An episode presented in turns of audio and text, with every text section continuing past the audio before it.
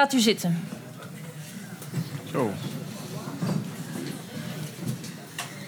Beste aanwezigen, geachte leden van de jury. U bent zich er wellicht niet van bewust, maar door hier vanavond te zijn en deel te nemen aan dit programma, heeft u een verantwoordelijke taak, misschien wel een zware taak, op u genomen. U bent vanavond allen leden van de jury. Een jury die zal oordelen over waarheid en leugen, over recht en onrecht. Zijn mens en dier wezenlijk verschillend? Staat de mens boven het dier? Waar baseren we dat op? En mogen we dan met dieren doen wat we willen? Wat is eigenlijk de rol en de betekenis van lijden? Daarover kruisen vanavond theoloog Frank Bosman en filosoof René ten Bos de degens en ik stel hen graag aan u voor. Aan mijn rechterhand Frank Bosman. Hij is cultuurtheoloog aan Tilburg University en hij doet met name onderzoek naar de rol van religie in videogames. Daarnaast schrijft hij boeken als Jezus, wat zeg je nu? God heeft ook een fiets, kleine theologie van het wielrennen. En de eerste keer naar de kerk, ironisch handboek voor kerkmaagden. En Frank zal vanavond betogen dat mens en dier intrinsiek verschillend zijn. Aan mijn linkerhand René ten Bos, filosoof aan de Radboud Universiteit en denker des vaderlands. Hij schreef Het volk in de grot, Dwalen in het Anthropoceen en Het geniale dier. Hij is uiteraard een heel andere opvatting toegedaan dan Frank en zal vanavond stellen dat het de hoogste tijd is om eindelijk eens te stoppen met het leven van dieren als minder te zien dan dat van ons mensen. Als leden van de jury heeft u een belangrijke rol, vergeet dat niet. Zo dadelijk zullen beide sprekers een kort betoog houden van 15 minuten om u van, hen, van hun gelijk te overtuigen. Daarna is het dan u om kritische vragen te stellen, om de zwakke punten in hun betoog te ontmaskeren, ofwel misschien om juist vast te stellen dat hun argumentaties uh, u verrassen of u laten zien dat de veronderstellingen met waar, waarmee u gekomen bent helemaal uh, door, door de war worden gegooid. Um, daarna, dus na deze beide betogen en vragenrondes, gaan de beide gedaagden met elkaar in discussie op basis van drie stellingen. Ikzelf, rechter Lisbeth Jansen, zal daarbij de discussie leiden. Wat betekent dat ik beide sprekers zo nodig zal interrumperen en bevragen. En ook, en dat geldt voor de hele avond, niet alleen voor de discussie, de tijd scherp in de gaten zal houden. En daarvoor zal ik niet schromen om deze hamer te gebruiken. Daarna, dus na de discussie, bent u opnieuw in staat om in de gelegenheid om vragen te stellen en houden de sprekers hun slotbetoog. Daarna is het woord aan u. Het is uw verantwoordelijkheid om te bepalen wie er vanavond gewonnen heeft, wie er gelijk heeft. Heeft Frank Bosman het bij het juiste einde of is René ten Bos het meest overtuigend? Is uw opgave helder voor u? Vast wel. Goed. Dan geef ik bij deze graag het woord aan Frank Bosman.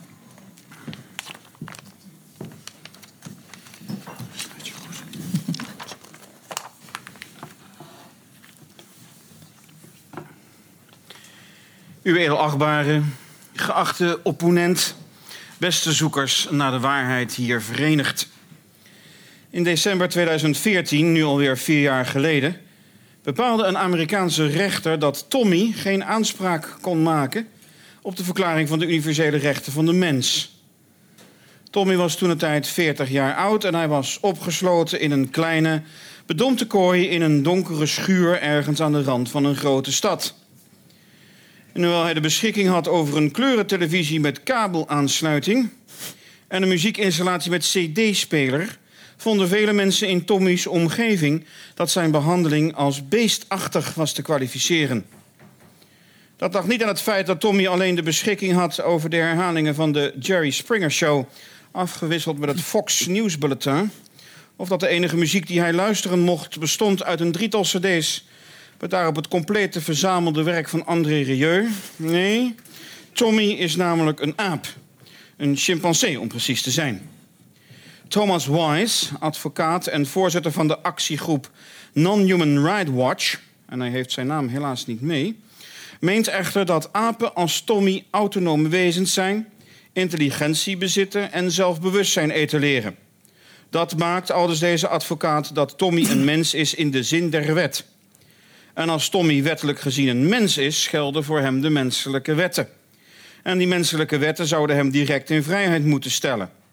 Zelfs een chimpansee kan niet geacht worden naar Donald Trump en André Rieu te luisteren zonder krankzinnig de eigen poep te gaan consumeren.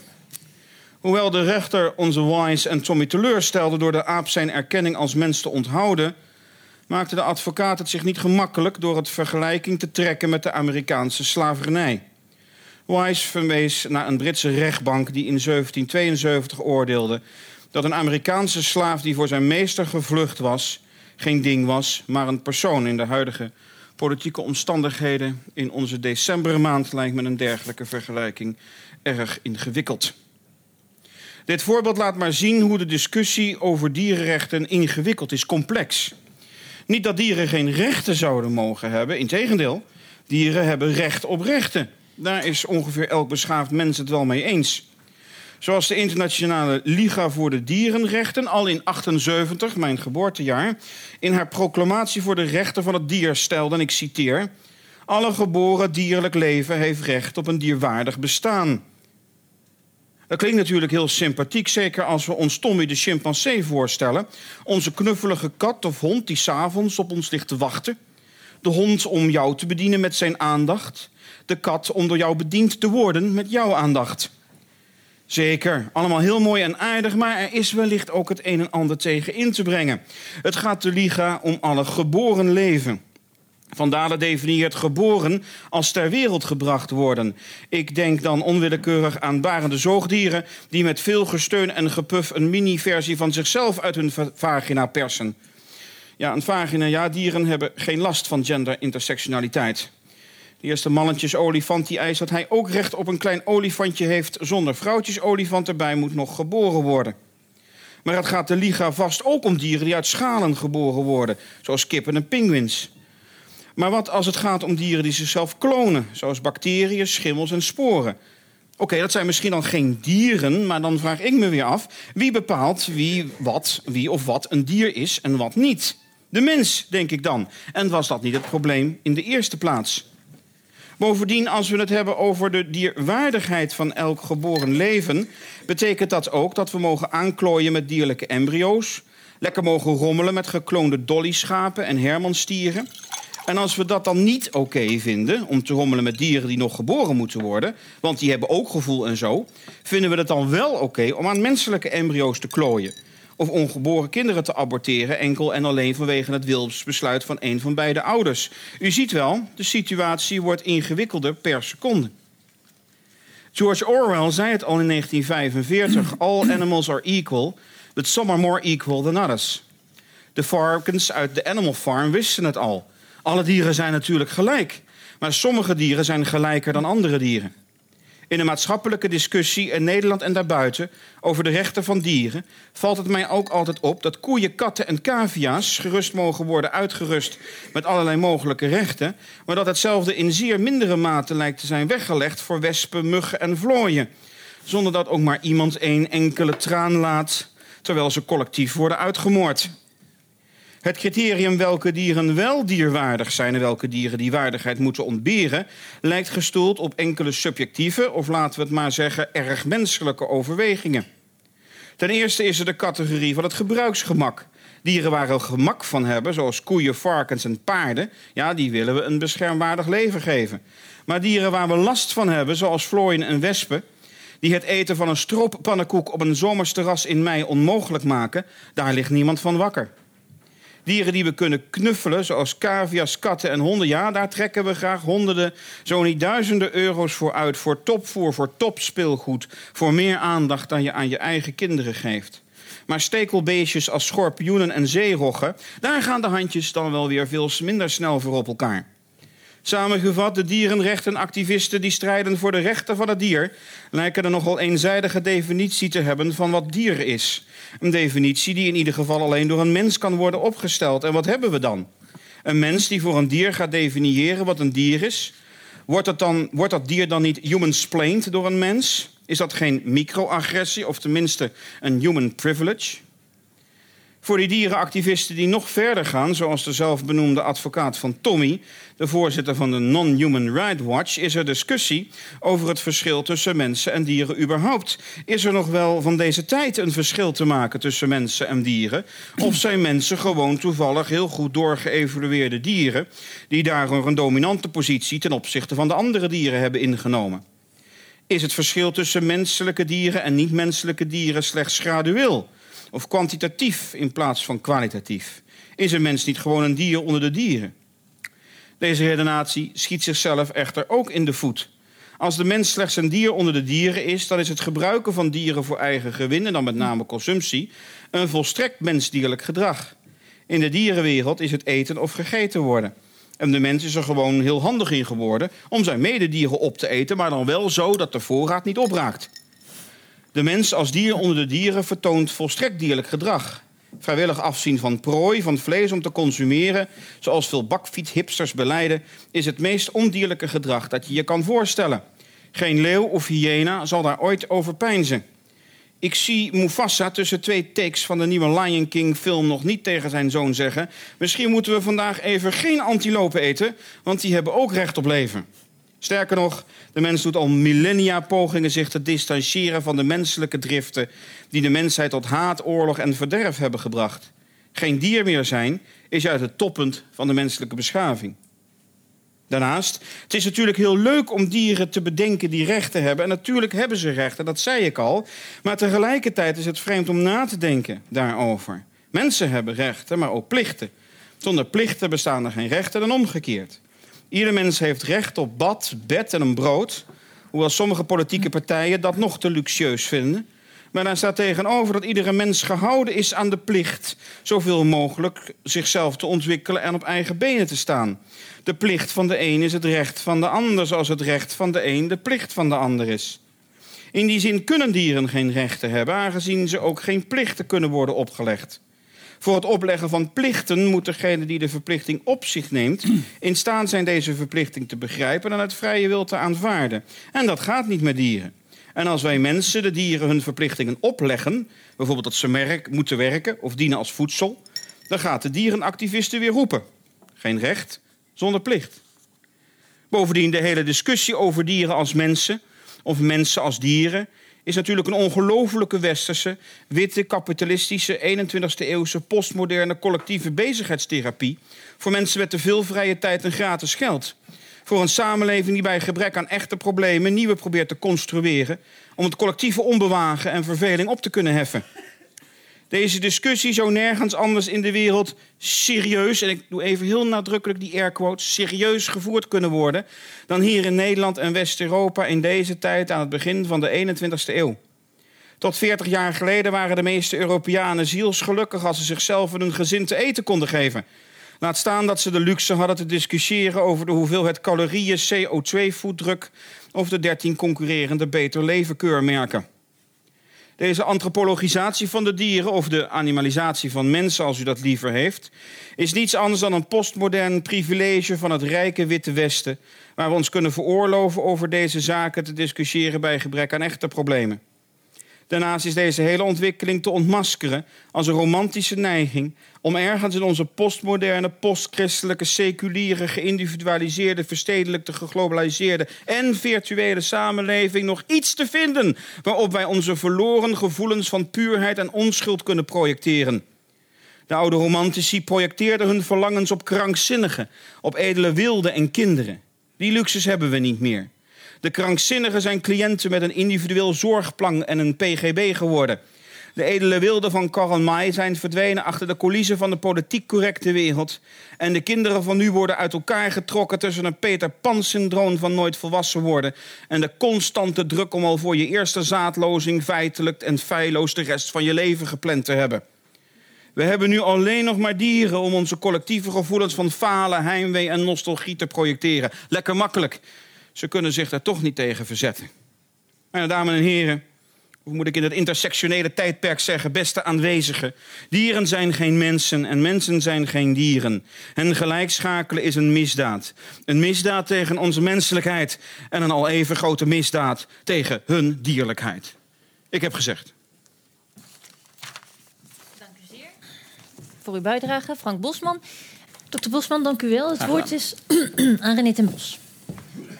Uh, geachte opponent, beste mensen, jury, geachte jury. Uh, het is voor mij heel moeilijk om niet meteen te gaan reageren op wat ik zojuist gehoord heb. Ik heb natuurlijk een verhaal in mijn hoofd zitten. Ik ga dat verhaal gewoon vertellen. Um, dat verhaal gaat over wat is nou eigenlijk het verschil tussen dier en mens. Ik heb daar ooit een boek over geschreven, dat heet Het Geniale Dier. En een van de dingen die ik beweer in dat boek is dat we het verschil wat moeilijker en wat complexer moeten denken. Een van de grote fouten die wij maken is dat wij de mens als één soort, biologisch gezien zijn wij uiteindelijk een soort, plaatsen tegenover een enorme hoeveelheid andere soorten. Dus vanuit dat perspectief is die hele distinctie die gemaakt wordt tussen mens en uh, dier heel vreemd. Het is een hele rare vraag die wij uiteindelijk stellen. Welk onder, onderscheid je ook probeert te maken tussen mens en dier. Bijvoorbeeld een dier, ik noem maar wat dingen die altijd genoemd worden. Een dier uh, kan niet rouwen. Er zijn altijd dieren die kunnen rouwen. Een dier kan niet lachen. Er zijn dieren die lachen. Er is geen één verschil of er is ergens in de natuur een uitzondering op te maken. En dat is natuurlijk een, een, een, een nogal lastige vraag, omdat als het gaat om een intrinsiek verschil, is dat er waarschijnlijk niet. Dus om het even duidelijk te maken, ik beweer niet dat er geen verschillen zijn. Ik, er zijn ontzettend grote verschillen. Je moet een beetje achterlijk zijn als je niet het verschil ziet tussen een mens en een koe of een mens en een mug. dat, is, dat, dat, dat is heel eenvoudig. Maar of er een essentieel verschil is, dat is onduidelijk. Dat is ook precies wat Charles Darwin ons geleerd heeft, namelijk dat het verschil tussen soorten gradueel is. En dat het dus altijd gradueel is. En wat betekent dat? Dat betekent helemaal niks anders dan dat uh, er verschillen zijn, zeker, maar dat die verschillen als het ware in elkaar overlopen. Er zijn geen strakke distincties. Vandaar dus mijn oproep om dat verschil wat complexer te gaan denken. Dat is het eerste wat ik wil zeggen. Het tweede dat ik wil zeggen sluit aan op die discussie die over dierenrechten gevoerd wordt. Want die dierenrechten, dat is natuurlijk een kwestie van uh, hoe kijken juristen daarna. En heel veel van de verschillen waar wij het over hebben, gaat altijd om attributies. Dat wil zeggen, wat dichten wij toe aan bepaalde wezens. En juristen zijn over het algemeen geneigd om dieren andere zaken toe te dichten dan dan uh, mensen.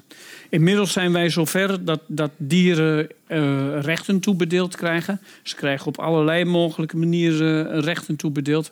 Wij mogen een hele hoop zaken niet doen met, met, met, met dieren, omdat we dan, hè, wij mensen, omdat wij dan gestraft worden. Ik noem maar wat de rechten. Een dier heeft bijvoorbeeld het recht om verschoond te blijven van mishandeling. Een dier heeft bijvoorbeeld het recht op goede behandeling. Een dier heeft het recht om bijvoorbeeld ook verschoond te blijven van onwelgevallige seksuele activiteiten. Sinds 2006 mogen wij een dier niet meer neuken.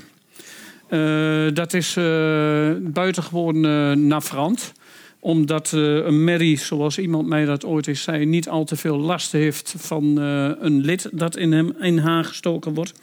Maar um, de kwestie hier ligt hem vooral in het feit dat dit recht van dieren om verschoond te blijven van zoofiele handelingen uitgevaardigd werd destijds door de minister van Landbouw, die tezelfde tijd, meneer Veerman, geen enkel probleem ziet om op zware wijze de bio-industrie te definiëren als zijnde iets wat uh, overheidssteun behoeft. Dus daar is iets merkwaardigs aan de hand. Dus die dierenrechten, dat komt uiteindelijk maar op één ding neer. Eigenlijk hebben dieren alle rechten al die wij hebben op één recht na. Dat is, ze hebben niet het recht om niet gedood te worden. En dat wil zeggen, uh, het dier heeft, hoe je het ook wenst of keert, heeft, heeft, heeft uh, uh, nooit het recht om te zeggen van... als mijn broertje vermoord wordt of als mijn zusje vermoord wordt... Dan is dat ook daadwerkelijk moord of doodslag. Dit is een zeer belangrijk punt. Wij kunnen dieren gewoon legaal doodmaken, om het maar zo te zeggen. Dat varieert van inderdaad het doodmeppen uh, van, een, van een mug... tot aan het, het slachten van een dier. Of om het anders te zeggen, als ik uw geliefde huisdier uh, mishandel, word ik gestraft. Als ik er seks mee bedrijf, word ik ook gestraft. Maar als ik het bijvoorbeeld doodtrap, krijg ik nooit een veroordeling wegens doodslag. Krijg ik nooit een veroordeling wegens moord en dergelijke meer. En dat is precies het hele juridische verschil. Dus zelfs die jurist die ontkomt niet aan het postuleren van een soort verschil tussen mens en dier. Nogmaals, een dier kan niet gedood worden. Wij kunnen een dier, of sorry, kan wel gedood worden, maar wij kunnen het niet vermoorden. Goed, dat leidt tot een enorme discussie. He, um, sinds de moderne tijd zijn wij wat anders gaan denken over de natuur. Descartes had altijd het idee dat het dier geen geest had, geen innerlijkheid kende, geen agency kende en noem maar op. René Descartes, een van de grondleggers van de moderne tijd, zag gewoon die hele natuur in feite als, als, als, als één grote automaat. En het is natuurlijk ook zeer bekend dat hij het dier ook zag als een automaat. Hij was zich daar overigens ook erg goed van bewust. Hij schreef ooit een brief aan een van die uh, Zweedse prinsessen met wie hij nogal eens verkeerde. En, en uh, waarin hij zei dat de mensheid hem ooit nog eens dankbaar zou zijn voor het feit dat je ongestraft beesten kon doden en zelfs anatomische sectie op hen zou kunnen plegen. Want het dier kende uiteindelijk geen pijn. Wat natuurlijk interessant is. Nou, sinds laten we zeggen, enkele decennia hebben we dat hele idee dat het dier alleen maar een mechanische en functionele aanwezigheid heeft in het universum, laten wij los. Iemand die uh, uh, heel bekend is aan deze universiteit en ook elders, is natuurlijk Frans de Waal. En Frans de Waal is een schrijver die, die aan de hand van hogere diersoorten, hoge tussen haakjes, uh, apen, mensapen in het bijzonder heeft laten zien dat al die dieren toch wel verrassend veel menselijke eigenschappen heeft. De Waal die maakt zich niet schuldig aan de gelijkschakeling tussen mensaap en mens. Maar hij zegt er zijn verrassend veel overeenkomsten. Dieren of chimpansees of apen kennen tegenwoordig politiek. Ze kennen existentiële twijfel. Ze kennen liefde. Ze kennen haat. Ze kennen eigenlijk alles wat wij mensen ook hebben. Toen de Waal dat voor het eerst in de jaren tachtig uh, van de vorige eeuw formuleerde, toen uh, verweet iedereen hem natuurlijk een van de bekende verwijten die hier altijd bij optreedt: antropocentrisme.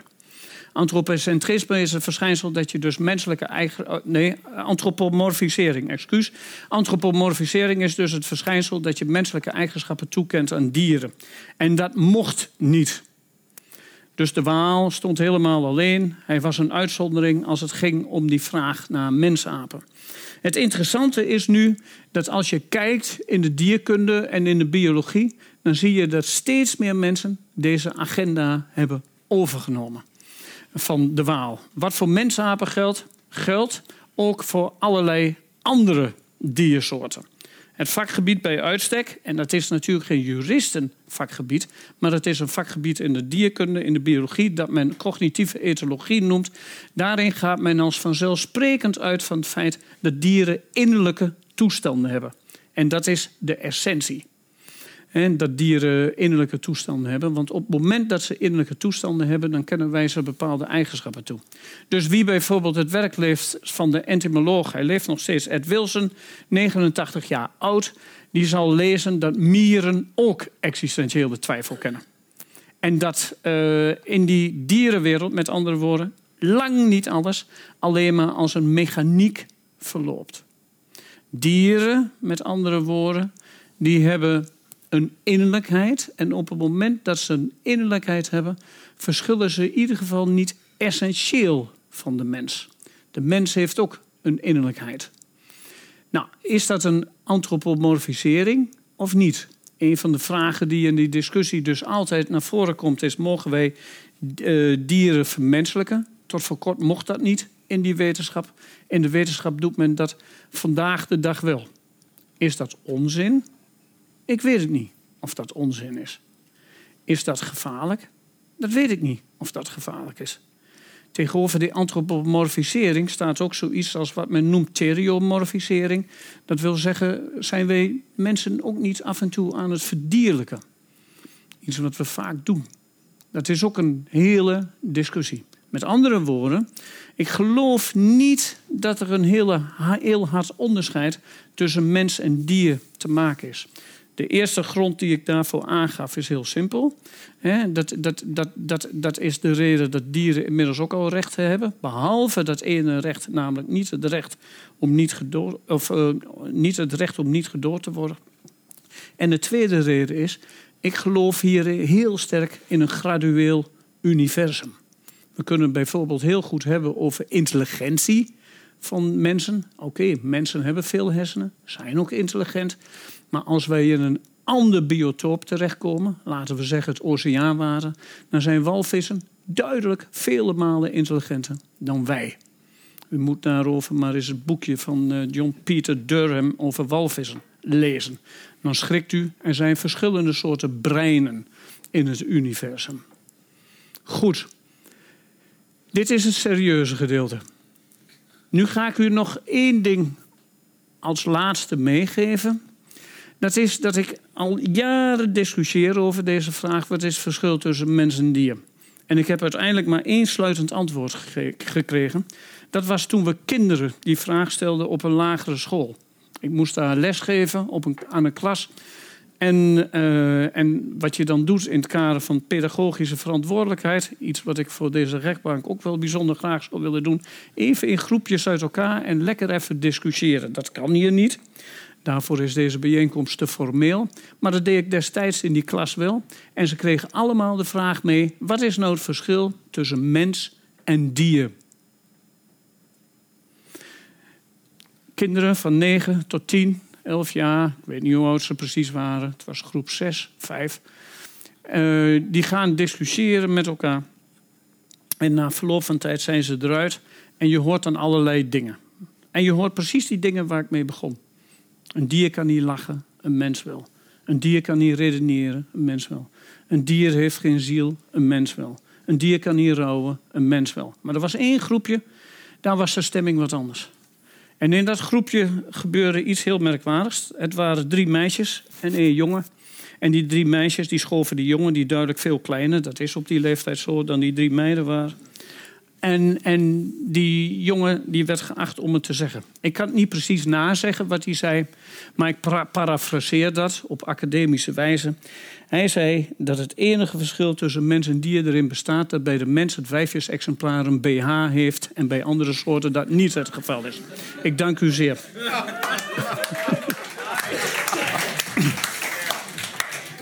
Dank u zeer.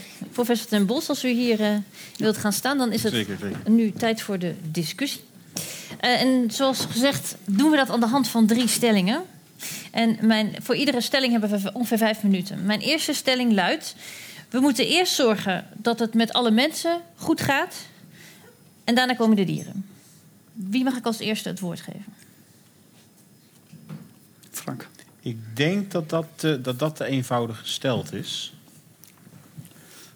Um, want of gewoon ik wel een onderscheid zou willen maken, een wat zwaarder onderscheid wil maken tussen mensen en dieren dan mijn opponent, denk ik wel dat de zorg die je uh, dient te hebben, dat is je menselijke verplichting voor uh, de andere mens en voor dieren, dat die twee in elkaars verlengde liggen. Dus het is niet, je kan niet heel simpel zeggen, we gaan eerst alle menselijke problemen oplossen, om maar even zo te zeggen. En daarna gaan we alle dierlijke problemen oplossen, omdat die twee op duizend en één praktische momenten met elkaar verknoopt zijn. Maar? Uh, dus je kan bijvoorbeeld. Uh, ja, sorry? Ik zei maar. Oh. maar dus uh, ik denk dat um, wil je als menselijke soort, als mensheid vooruitkomen, dat je niet alleen aan het welzijn van je medemensen moet denken, maar ook aan het welzijn van de dieren. zijn twee aan elkaar gekoppelde grootheden. Ja, ik heb geen probleem met wat mijn opponent hier zegt. Dus uh, nee, het is, uh, uh, het is heel simpel. je, ehm, ehm, ehm, de, de mens zal zich rekenschap moeten, of die moet rekenschap afleggen van het feit dat hij opgenomen is in een breder systeem die niet alleen maar of dat niet alleen maar uh, antropisch is, maar dat ook uh, uh, te maken heeft met niet-menselijke actoren en factoren. En dan gaat het nog niet eens zozeer om dieren, maar het gaat ook om de planeet zelf, het gaat om planten en dergelijke meer. En zij zijn de mogelijkheidsvoorwaarden van waarom we leven. Gewoon een simpele basiswet van de ecologie. Ja, maar laten we het even iets minder meta maken en iets Dit is helemaal niet meta. Dit ik, voel, ik, voel, ik voel me heel comfortabel bij dit niveau. Ja, dat dacht ik al. Ja. Oh, sorry, edelachtbare. Hier in het, in het Westen geven wij vaak geld uit om ons konijn bij de dierenarts te laten opereren. En met hetzelfde bedrag zou, zouden twee kinderen in Afrika niet hoeven te sterven aan. Ik, ik versimplificeer ook een beetje, maar um, uh, zouden twee kinderen in Afrika niet hoeven te sterven. Hoe vindt u dat? Het is heel simpel. Het konijn is binnen de moral scope van mensen. Ik gebruik een term van Pieter Singer. Is binnen de moral scope van, mensen, uh, van die mensen gekomen. En die twee onbekende kinderen in Afrika niet. Dus het heeft met zichtbaarheid te maken? Ja, het heeft natuurlijk met zichtbaarheid, met nabijheid. Alle mogelijkheidsvoorwaarden voor uh, ethisch handelen liggen in de vraag hoe nabij uh, het object waarvoor jij het wil opnemen verantwoordelijkheid wordt ooit eens door Hans Jonas gedefinieerd als opnemen voor kwetsbaarheid. Maar je moet die kwetsbaarheid wel zien. Dat zie je natuurlijk ook uh, in die discussie die we nu nog hebben met uh, Howick en uh, ik ben de andere naam even kwijt. Lily. Ja. die natuurlijk dankzij een uitgekiende perscampagne hebben mogen blijven. En wij gunnen ze dat allemaal van harte. Tenminste, ik neem aan dat niemand hier in deze zaal denkt... goh, ze hadden beter op kunnen zouten. Ik denk dat dat een beetje slecht verdedigbare positie is. Ook al is te leven het maatschappelijk klimaat. Maar tegelijkertijd zijn er natuurlijk ook nog 500 andere mensen die precies dezelfde kinderen die precies dezelfde omstandigheden zijn. En dat interesseert ons niet. En dat komt omdat die twee kinderen ons nabij zijn door al die televisieoptredens. Dus dat betekent dat we ons wel willen inzetten voor die twee kinderen die uh, we nabij ervaren. En alle anderen die waar geen naam, geen gezicht, geen, geen identiteit hebben, daar kunnen we overheen stappen. Maar dan blijft nog steeds volgens mij de vraag overeind is het terecht dat wij zoveel uh, waarde toekennen aan dieren die ons nabij staan, mhm. dat we daar meer in investeren, in materieel opzicht in dit geval, dan in mensen die ons wat verder afstaan? Nee, dat is niet terecht. Maar bedoel, uh, bedoelt u dat in juridische zin of in nee, morele zin? in morele zin. In morele zin is het volkomen begrijpelijk dat mensen dat doen. Eens? Nou, wij, we hebben een aantal uh, huisdieren die wij de verplichting opleggen vanuit het menselijk perspectief om vooral schattig te zijn en daarmee ons uh, te dienen. Uh, wat ze overigens naar mijn inschatting heel erg graag doen, maar dat zal weer een projectie zijn van mijn menselijke emoties op het dier. Um, maar we hebben wel, ik heb wel twee konijnen en twee katten. En twee konijnen zijn overleden. En hebben we wel met elkaar nagedacht van hoeveel geld gaan wij besteden aan het genezen van die dieren. Uh, een van die konijnen had uh, bacteriële infectie. Dat schijnt heel ernstig te zijn. In de darmen, wist ik veel. Een konijn heeft een darminfectie. En toen konden we ervoor kiezen. Er kon een risicovolle operatie geschieden van 5000 euro... met een overlevingskans van 40 procent. Of wij konden het dier laten inslapen, hetgeen ons 30 euro kostte. En uiteraard hebben wij dat niet gedaan vanwege het verschil in uh, geld... maar we hebben dat gedaan om het, om het diertje het leed te besparen. Natuurlijk. Zou u dezelfde keuze hebben gemaakt? Zeker. Op basis van welk argument? Ja, omdat ik uh, met die 5000 uh, euro heeft, ik weet niet hoeveel kinderen het leven kan redden. Ah. Mm -hmm. Aha. Goed.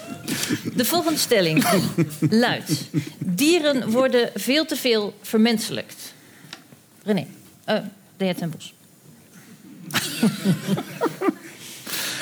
um, in, in, in die cognitieve wetenschappen, kijk, dat hele verwijt van antropomorfisering, zoals ik in mijn uh, pleidooi net heb gezegd, dat, dat, dat zit er altijd in. En het is, wij vermenselijke dieren, maar wij verdierlijke mensen. En waarom? Uh, dus, dus dat komt omdat het hele verschil tussen mens en dier Ja, dat is er wel, maar het is, er zijn heel veel verschillen, maar het ene verschil is er niet. Dus is het logisch dat dat gebeurt. Dat Ik zal een klein, dat- ik zal een klein ja, voorbeeld geven. Ehm, ehm, kunnen dieren bijvoorbeeld lol hebben? Zoals wij dat hebben. Ik kan me heel goed herinneren dat ik ooit eens een keer naar albatrossen stond te kijken in het zuiden van eh, Nieuw-Zeeland. In de buurt van Otaga was dat. Eh, dat is een schiereiland bij de stad Dunedin. En daar heb je een van de weinige albatrossen eh, broedplaatsen eh, in de buurt van menselijke nederzettingen. Dat is natuurlijk hartstikke interessant. En die albatrossen zijn majestueuze vogels als ze boven de zee vliegen. Maar ze zijn erg onhandig als ze op land wandelen. Dan zijn het echt, eh, ja, dat, dat kabbelt maar een beetje. Dat, dat, dat, dat, zijn onhandige biedemaaiers die daar rondlopen. Ziet er allemaal kloterig uit. Beetje, beetje als robotjes. En, ehm, en, en, maar toen gingen ze vliegen. En eh, mijn dochter die zei toen van... ja, kijk, die beesten die vliegen omdat dat gewoon leuk voor ze is. Dat vinden ze handig, dat vinden ze fijn, dat vinden ze leuk. En die dienstdoende ornitholoog, die vond dat niet goed. Die vond dat dus een vermenselijking van de albatros. Die zei onmiddellijk van, van... nee, dat doen ze om te oefenen voor die verre oceanische glijvluchten... die ze daarna moeten nemen. Nou, het punt is natuurlijk heel duidelijk... Dat, dat, dat is dat die, dat dier nog steeds in een soort machinisch geheel wordt gestopt. Van alles is een functie, alles heeft een... eh, en dat het dier zelf genieten kan van eh, iets... zoals sommige mensen van een sigaretje of van een wijntje genieten... Dat, daar kan geen sprake van zijn. Eh, nou, ik, ik ben van mening dat, dat we dieren niet genoeg kunnen vermenselijken... en mensen niet genoeg kunnen verdierlijken. Punt. Kunt u een voorbeeld van het laatste geven? Hoe we mensen verdierlijken. Hoe wij mensen verdierlijken. Nou ja, bijvoorbeeld, ik kan gewoon uitleggen dat u hier, edelachtbare, hier staat als een biotoop. Waarin miljoenen, miljarden microben, bacteriën en weet ik veel wat eh, lopen. Die op dit moment in u lopen, uit u lopen, die binnendringen en die uit. En als u dat helemaal hermetisch wil afsluiten van de rest, dan overleeft u dat niet. Dit gaat niet om gedrag. Dit gaat in, wederom niet om moraliteit, maar om Nee, biofysische processen. Dat gaat gewoon om eh, fysische processen. En ik, vind, en ik wil niet zeggen dat dat soort. eh, eh, ehm, eh, nou ja, ik zou willen dat wij ook eens wat leren van. van ehm, eh, of dat wij hier ook eens wat licht morele conclusies uit zouden kunnen trekken. Nou ja, namelijk dat we als mensen of als individuen niet van die eh, eh, geïsoleerde eenheden ten opzichte van de werkelijkheid in ons of om ons heen zijn. En dat we ons daarvan als het ware isoleren, dat vind ik een hele gekke opvatting. Heb ik altijd een hele gekke opvatting gevonden. We zouden ons er meer van bewust moeten zijn dat wij een wandelende bacterienkolonie zijn. Daar mag u zich wel eens van bewust zijn, edelachtbare. Maar dat wil niet zeggen dat ik hoop dat u constant denkt dat u een bundel microben bent. Ik uh, zal Ja, maar af en toe is het nuttig. Goed. Dokter Bosman, wilt u erop reageren? Nou, ik eh, herken me heel erg in het beeld dat ik een wandelende microbe ben. Dus ik sluit me daar graag bij aan. Maar wilt u dan nog reageren op de stelling dat dieren te veel ik weer? vermenselijkt worden? Nou ja, wat ik dus heel interessant vind, is dat ik. eh, eh, er zijn twee mogelijkheden. Of een dier vertoont gedrag wat wij normaal gesproken menselijk gedrag vinden, zoals lachen of rouwen. En wij hebben moeite dat te, te herkennen. En we zouden dat meer moeten gaan herkennen. Of wij projecteren menselijke eigenschappen zoals lachen en rouwen op de dieren. Dat zijn ongeveer de twee mogelijkheden die we hebben. En wat ik dan, eh, eh, dan moet ik gaan nadenken welke van de twee het meest waarschijnlijke is. Is het projectie of ligt het in de dieren zelf? En het probleem daarvan is weer dat ik geen manier weet om met die dieren in contact te treden, op wat voor manier dan ook, om dat te kunnen verifiëren of het mijn projectie is of dat het uit hen zelf komt. En misschien is dat wel een fundamenteel onoplosbaar probleem. Dat kan ik niet, ik kan, dat kan ik niet helemaal inschatten. Maar tot zolang vind ik beide mogelijkheden even waarschijnlijk. Wat zijn beide mogelijkheden? Beide mogelijkheden is dat we of menselijke gevoelens projecteren... of dat de dieren menselijke eh, gevoelens hebben... die we normaal gesproken met alleen mensen En u heeft geen voorkeur voor de een of de ander? Nee. U dan misschien? Nee, ik heb geen voorkeur. Maar let op, we, we, eh, in, in, los van alle wetenschap, in sprookjes, in fabels en dergelijke... hebben we constant dat hele onderscheid tussen mens en dier ter discussie gesteld. U U hoeft maar uh, La Fontaine, mm. Aesopus en dergelijke op te slaan. En dan, dan, zie je dat de mens altijd geleerd heeft van dieren. En dat dieren omgekeerd ook leren van mensen. Wat ook heel erg interessant is, ga maar eens naar uh, bijvoorbeeld uh, natuurparken in India. Dan zie je dat dezelfde soorten die hier heel schuw zijn voor mensen, mm. in India absoluut niet bang zijn voor mensen. IJsvogels gaan gewoon op je arm zitten. Apen. Apen, Apen. maar op. Ja, ja. Klauwen je portemonnee ja. leeg. Ja, precies. ik ben ook in India geweest twee weken geleden. En eentje had me bijna mijn portemonnee te pakken. ja, maar niet helemaal. En dat is het verschil. Zeker. Als we kijken naar het vermenselijken van dieren, dan zien we natuurlijk, geachte gedaagden, uh, een groot verschil tussen huisdieren, we hadden het al even over, mm. en andere dieren, mm. zoals nou ja, industrie, industriedieren, vee. Ziet u daar. Strikt genomen zijn het allebei huisdieren, we noemen ze gedomesticeerd. Uh, de, wat u bedoelt met huisdieren zijn natuurlijk dat, dat kleine grut dat u uh, lekker thuis uh, hebt. Mm. En waar u, uh, daar kunt u lekker naar kijken en aaien en weet ik veel wat. Hmm. Dat heeft overigens weinig te maken met zoogdieren. Mensen houden ook slangen en vissen en schildpadden. En, en schildpadden. Heel leuk. Dus uh, dat, dat doen ze ook allemaal. Mm -hmm. Uh, maar strikt genomen uh, hebben wij er als mens voor gezorgd. Mm -hmm. Kijk, als ik zeg dat mensen ook dieren zijn, wil niet zeggen dat wij geen bijzondere dieren zijn. Wij zijn er in ieder geval als dieren in geslaagd. Men spreekt wel eens in de literatuur van invasieve soorten. Mm -hmm. om, om, om, om, laten we zeggen, een hoop andere dieren in ieder geval enigszins aan ons te onderwerpen. Dat noem je domesticatie. En die domesticatie is, is, is, uh, is, is, is, enerzijds uh, heel nuttig voor mensen, omdat het mhm. ons voedsel geeft, noem maar op. Mm Anderzijds is dat ook precies een van de grote problemen, omdat die domesticatie ten koste is gegaan van juist die beesten die niet gedomesticeerd zijn. Dat is die 3% waar ik het net in mijn pleidooi over had. Ja, wilt u hier nog kort op reageren? Uh ik denk dat wij uh, heel snel een verschil gaan maken tussen wat wij dieren vinden, die dan ook allerlei dierwaardige rechten mhm. mogen krijgen, en dieren waar we dan bij gemak even niet aan denken, voor zover het ons psychologisch gezien uitkomt. Dus het poesje wat ik thuis heb, ik heb twee katten, dat is, heeft natuurlijk alle menselijke eigenschappen en zelfs meer. Maar het carbonaatje wat ik net heb opgegeten, het varkentje, heeft natuurlijk geen enkele dus, dus het, het, volgens mij heeft alles te maken met de psychologische nabijheid. En daarmee met de projectie van onze menselijke verlangens en ideeën op het dier. Dus als dat varkentje in uw achtertuin had geleefd, had u het niet opgegeten? Precies, want dan vind ik hem lief. Ja. Heeft het een naam en zo, weet je wel. Ja. Heel, heel menselijk allemaal. Ja. ja.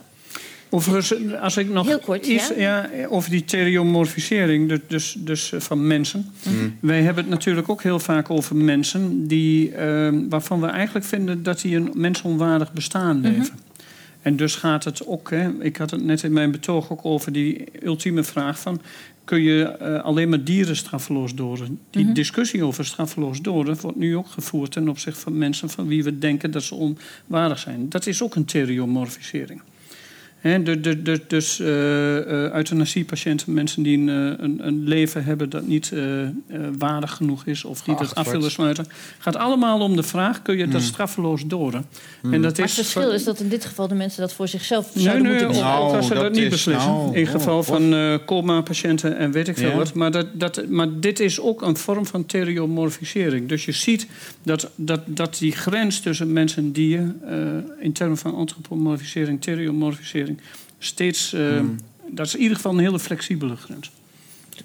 De laatste stelling. Het christendom is de bron van alle dierenleed.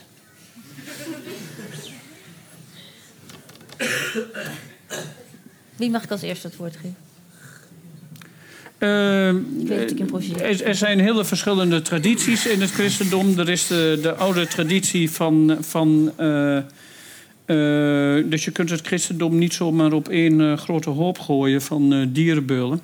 Er is die oude traditie die duidelijk zegt dat de mens als een soort rentmeester kan beschikken over alle andere dieren. Iets wat trouwens in de hele hopeloze discussie over duurzaamheid nog steeds voortwoekert. Mm. Dat soort gedachten. En, maar er is natuurlijk ook de, de bekende traditie van, laten we het maar eens noemen, Franciscus die uh, de dieren waardig genoeg vond om zijn broers en zusters te noemen. Dus je kunt het niet zomaar zeggen. Het christendom heeft een hoogst ambivalente verhouding ten opzichte van het dier. Bent u het daarmee eens? Ja, we zien het ook in eh, waar de uh, encycliek Laudato Si van, uh, die ook trouwens Franciscus heet, heel toevallig, Paus Franciscus, die het heeft over de aarde als het gemeenschappelijk huis wat we bewonen. En dat gemeenschappelijke slaat niet alleen op mensen, maar slaat ook op alle andere wezens die, waarmee we die biotoop delen. tegelijkertijd, ja, je ziet, je ziet inderdaad heel erg twee verschillende kanten aan dat christendom zitten. Zoals, je kan eigenlijk nooit zeggen het christendom is voor de doodstraf of, doodstraf of tegen de doodstraf.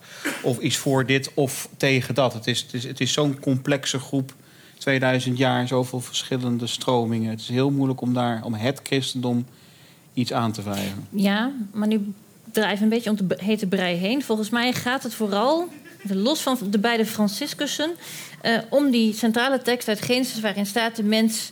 Uh, ik weet het even niet letterlijk uit mijn hoofd. Nee, ik ben heel eh, benieuwd. Ga het gang even achtbaren. Dat, uh, ik ben heel benieuwd. Ja, kom maar. Waarin staat de mens... Uh, de, de mens is de aarde gegeven en alles wat erop is. Ten, de mens mag beschikken over alles wat. wat ja, dat zijn niet de letterlijke ja, woorden, maar ja, precies. Ja, maar tegelijkertijd zien we natuurlijk ook dat in Oude, Nieuwe Testament, maar vooral ook in het Oude Testament of Hebreeuwse Bijbel, tal van teksten staan over slavernij, over de behandeling van vrouwen en kinderen, over uh, dat je in godsnaam kinderen met de hersenen tegen de rotsen aan mag slaan en zo, waarvan wij in 2000 jaar christendom tegen elkaar gezegd hebben, misschien moeten we hier een andersoortige interpretatie aangeven. En hetzelfde is uiteraard ook gebeurd met de tekst die de edelachtbare net niet kon herinneren. die, ja, de vraag is, is die tekst ooit zo bedoeld? Als, hier heb je dus wat leuks dit, mee. Dit is, dit is voor een exegeet dus een onmogelijke vraag. Je kan, want dan vraag, vraag je dan naar de intentie van de auteur. Vraag je hoe, die, naar, naar uh, hoe de publiek toen de tijd toen die tekst een keer geconcipieerd was en naar gekeken heeft, vraag je naar hoe dat 2000 jaar lang geïnterpreteerd wordt. Dat is, dat is een onmogelijk te beantwoorden vraag. Je kan hoogstens stellen, wat heeft deze tekst vandaag de dag nog voor een betekenis voor bijvoorbeeld een christelijk publiek of voor een christelijke groep. En dan haal ik weer Laudato Si aan, die ook in protestantenkringen erg goed ontvangen is. Waarin je dus ziet dat het hele idee van uh, we mogen van de wereld gebruik maken alsof het uh, onze eigen achtertuin is. Dat die manier van denken toch echt wel stevig geërodeerd is. Oké. Ik zou willen zeggen dat er uh, in die teksten, die oude Bijbelteksten uit, uit, uit het begin van het Oude Testament dat daarin uh, op dezelfde manier die antropologische machine actief is als uh, elders. Ja. En, en uh, dat, dat, dat, dus als je dat christendom wilt verwijten, kun je dat ook ongeveer de hele Griekse filosofie verwijten, kun je dat de Romeinse filosofie verwijten. Kun je dat zo ongeveer de hele wetenschap tot ver na de Tweede Wereldoorlog kun je dat verwijten. Helder, dank u wel. Dan is het nu tijd voor het juryberaad. U hebt drie minuten tijd om met de mensen om u heen even te praten over wat u is opgevallen, wat u interessant vond, wat u misschien nog onduidelijk vindt, zodat u uw eigen mening nog even aan kunt scherpen en u zo dadelijk een helder oordeel kunt vellen. Wij laten u daar graag uh, in, met rust. Geachte leden van de jury, beste gedaagden. Het belangrijkste moment van deze avond is gekomen. Het is aan u om een oordeel te vellen, niet alleen over de twee gedaagden, maar ook over het thema, over de waarheid zelf. Wie heeft u overtuigd? Wilt u nu uw hand opsteken als u vindt dat Frank Bosman het vanavond bij het juiste eind had, de beste argumenten gebruikte?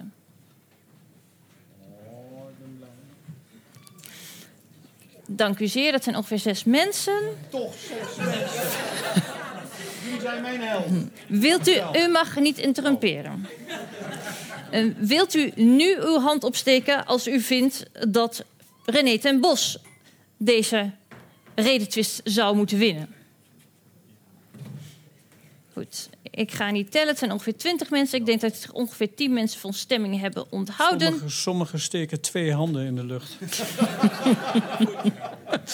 Goed, dan oordeelt de rechter bij deze dat René ten Bos deze redetwist over mens en dier gewonnen heeft. Dit is mijn uitspraak. Hier moet u het mee doen.